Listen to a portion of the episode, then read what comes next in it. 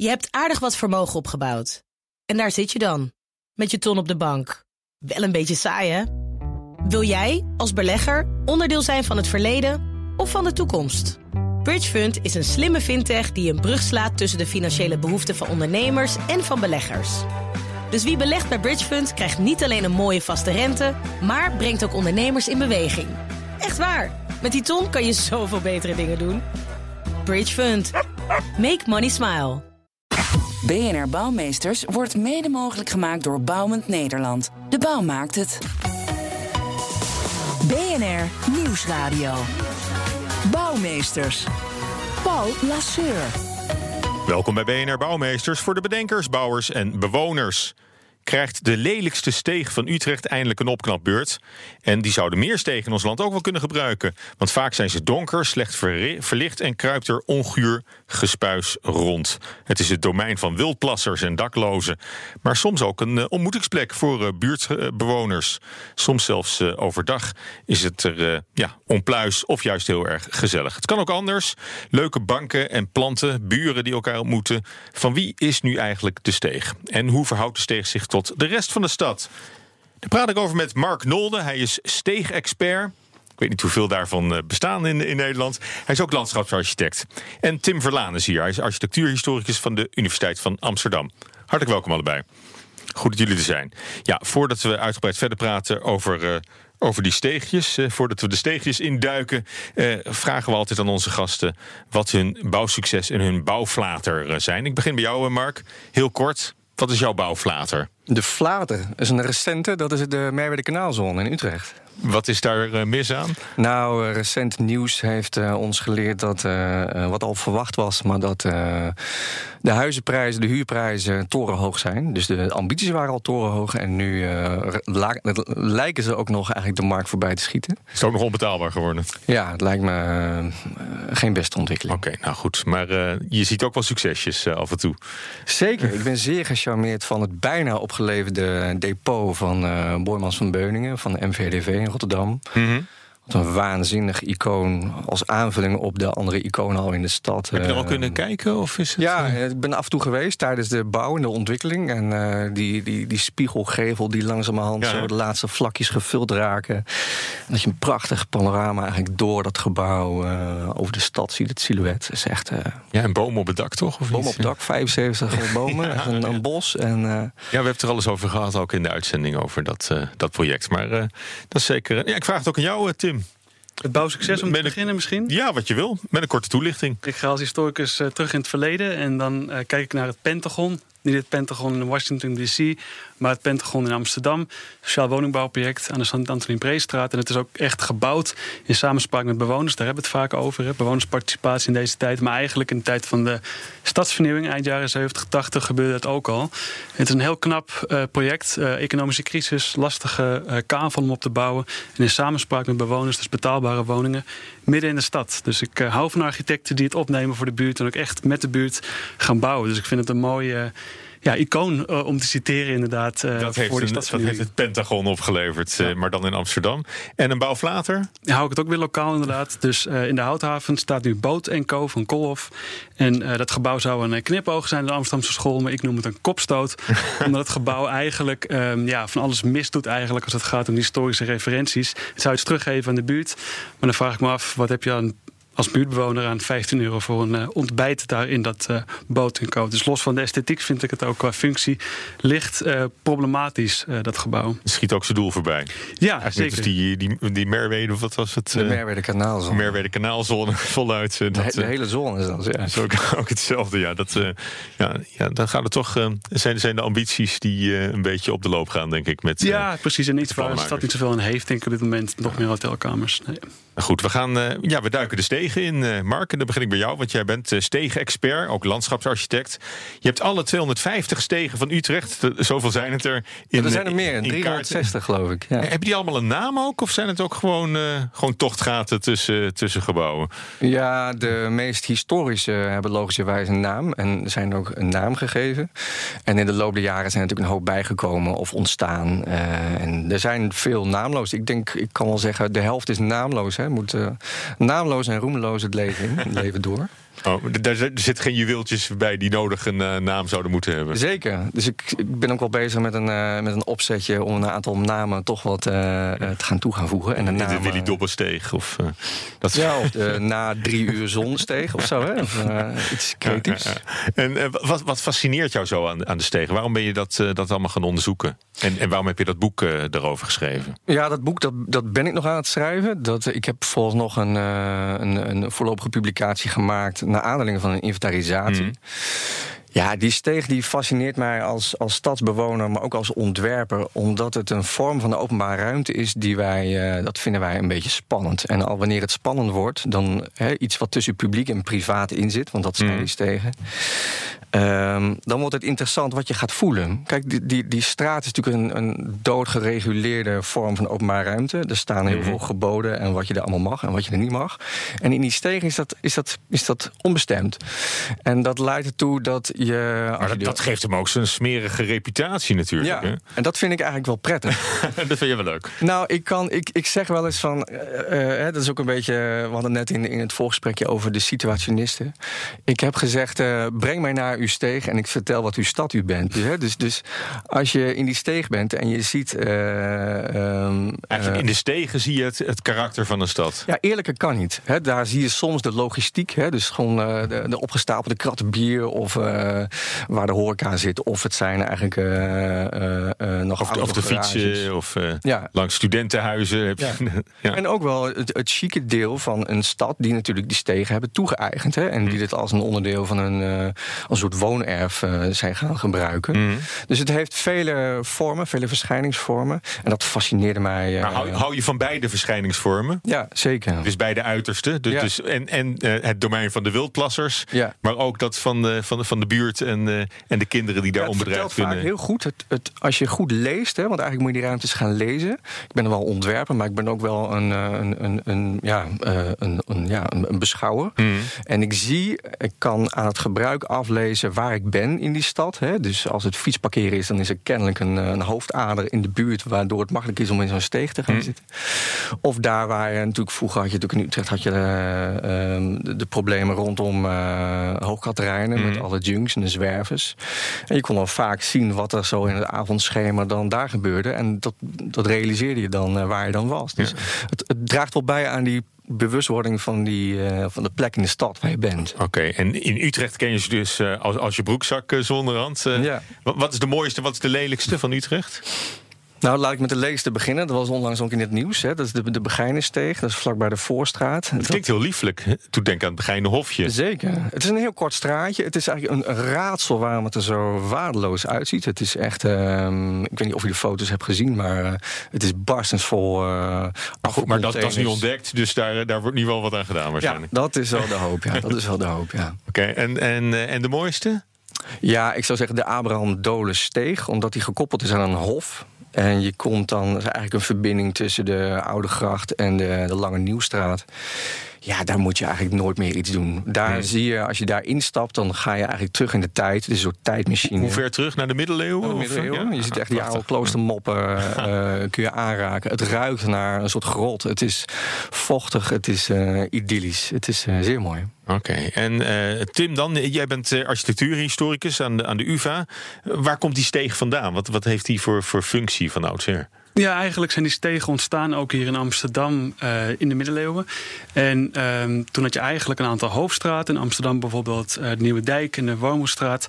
En uh, langs die hoofdstraten ontstonden eigenlijk stegen om de straten die ontstonden achter de vrij diepe percelen te ontsluiten. Dus op een gegeven moment zag je dat die diepe percelen werden bebouwd. En dat die straten aan de achterkant van die percelen moesten worden ontsloten. En dat gebeurde dus um, met stegen inderdaad. Dus die oorsprong van die steeg kun je eigenlijk wel in Nederland in ieder geval in de middeleeuwen vinden. En daarom vind je dus ook vooral, zoals Mark ook weet, in Utrecht en Leiden, uh, eigenlijk steden die uh, vooral in die middeleeuwen zijn uh, gegroeid. Ja. ja. En, de, en, en de reputatie van die stegen, komt het omdat ze, omdat ze smal zijn en hoog en daardoor heel donker? Nou, of? in periode van bevolkingsgroei zie je eigenlijk dat die steden steeds dichter werden bebouwd. Dus uh, ten tijde van de 17e eeuw en ook in de late 19e eeuw.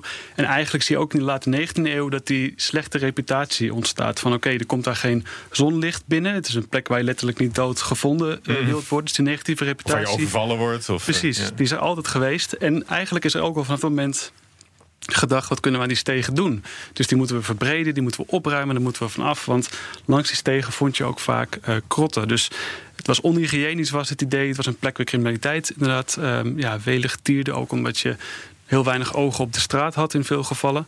Um, dus eigenlijk is die herontdekking van de steeg volgens mij iets heel recents. En um, was het tot een half eeuw geleden vooral een plek waar je vanaf wilde. Ja. Dat zie je ook wel in Amsterdam bijvoorbeeld. De Zeedijk die um, kreeg met de heroïne-epidemie in de jaren tachtig allemaal stegen die werden afgesloten. Maar is dat, is dat heel plat gewoon omdat, uh, omdat de grondprijs zo is uh, gestegen in korte tijd? Dat je, dat je op zoek gaat naar oude authentieke plekjes in de, in, in de stad? Ook waardering voor de historische ja, waarde? Zeker, van, ja, er uh, komen meerdere dingen samen. Maar ik denk dat de middenklasse eigenlijk ongeveer sinds een halve eeuw het grootstedelijk wonen heeft herontdekt. En dat uh, die ook die stegen in zekere zin toe-eigen. Die zetten daar een bankje neer. Het wordt opgeknapt, schoongemaakt. En uh, ja, tot een halve eeuw geleden ongeveer gingen mensen vooral de stad uit. En nu komen mensen de stad weer in. En die binnensteden die zijn ontzettend opgeknapt eigenlijk ja. in uh, de recente geschiedenis. Ja, en uh, ja, we hebben het er al over gehad. Hè. Hij, hij, hij lijkt wel van niemand te zijn, zo'n steeg. Het is niet publiek, maar het is ook niet privaat. Het is een beetje, ja, het wordt toegeëigend door, door de bewoners die daar het dichtst bij zitten. Je hoort wel eens hè, bij het onderhoud van koophuizen en van huurhuizen... dat huurhuizen worden verwaarloosd, koophuizen wordt goed voor gezorgd. Hoe is het dan met stegen die echt helemaal van niemand zijn? Ja, dat, dat, dat, uh, dat verschil heb ik ook gezien in mijn onderzoek. Het, uh, je zag bijvoorbeeld, dat, kijk ik nog even aanvullingen op, uh, op, op de, op de, op de historicus. Uh, uh, in Utrecht is het zo dat die stegen waren eigenlijk eerder dan de stad, zou je kunnen zeggen. Uh, het waren eigenlijk al handelsroutes, het waren paadjes, nooit veel breder dan een kar breed. Dat is vaak ook de eenheid van een steeg. Hè? Mm. En uh, soms als een blanke routes waren, dan waren ze twee karren breed. En dat was het, hè? Maar is dat bijna geen steeg meer, toch? Nee, dus die, maar het was een hele belangrijke route. Een vorm van een infrastructuur. Hè? Ook eerder dan de middeleeuwen al. En um, de, de essentie is dat die, uh, dat die altijd openbaar waren. Het waren publieke ruimte. En van transport en routing uh, is het eigenlijk ook overgegaan naar een soort bedrijvigheid. Het waren echt de kraamkamers van de stad. Hè?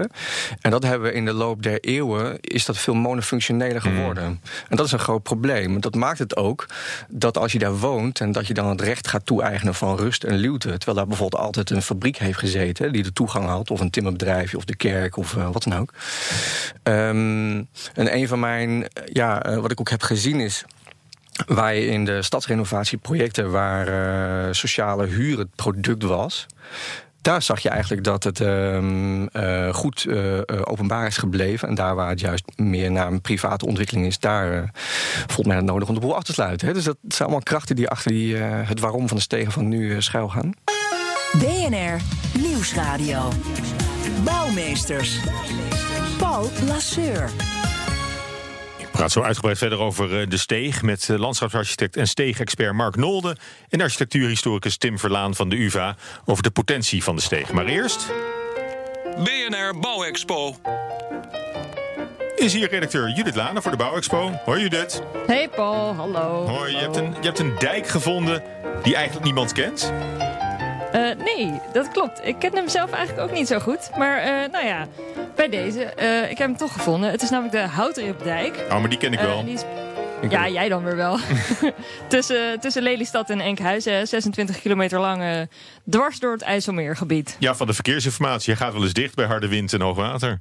Uh, ja, klopt. uh, maar ja, daar hebben ze nu dus iets speciaals mee gedaan, hè? Oké, okay, de Houtripdijk. Uh, ja, hij is, ja. hij is versterkt, hè?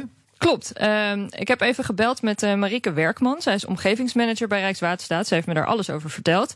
En uh, zij legde me uit dat die dijken dus altijd gekeurd moeten worden. Hè? En de dijkbekleding van die houtripdijk die was dus afgekeurd. En dat betekende dat die weer veilig gemaakt moest worden. En luister even mee hoe ze dat gedaan hebben. Het eerste gedeelte bestaat zeg maar, uit stenen die zijn tegen elkaar aangelegd. En daartussen wordt gietasfalt gegoten. Dus dat ziet eruit als een redelijk vlak oppervlak. En tegen de dijk aan worden ook nog hele grote ja, stortstenen, noemen wij dat.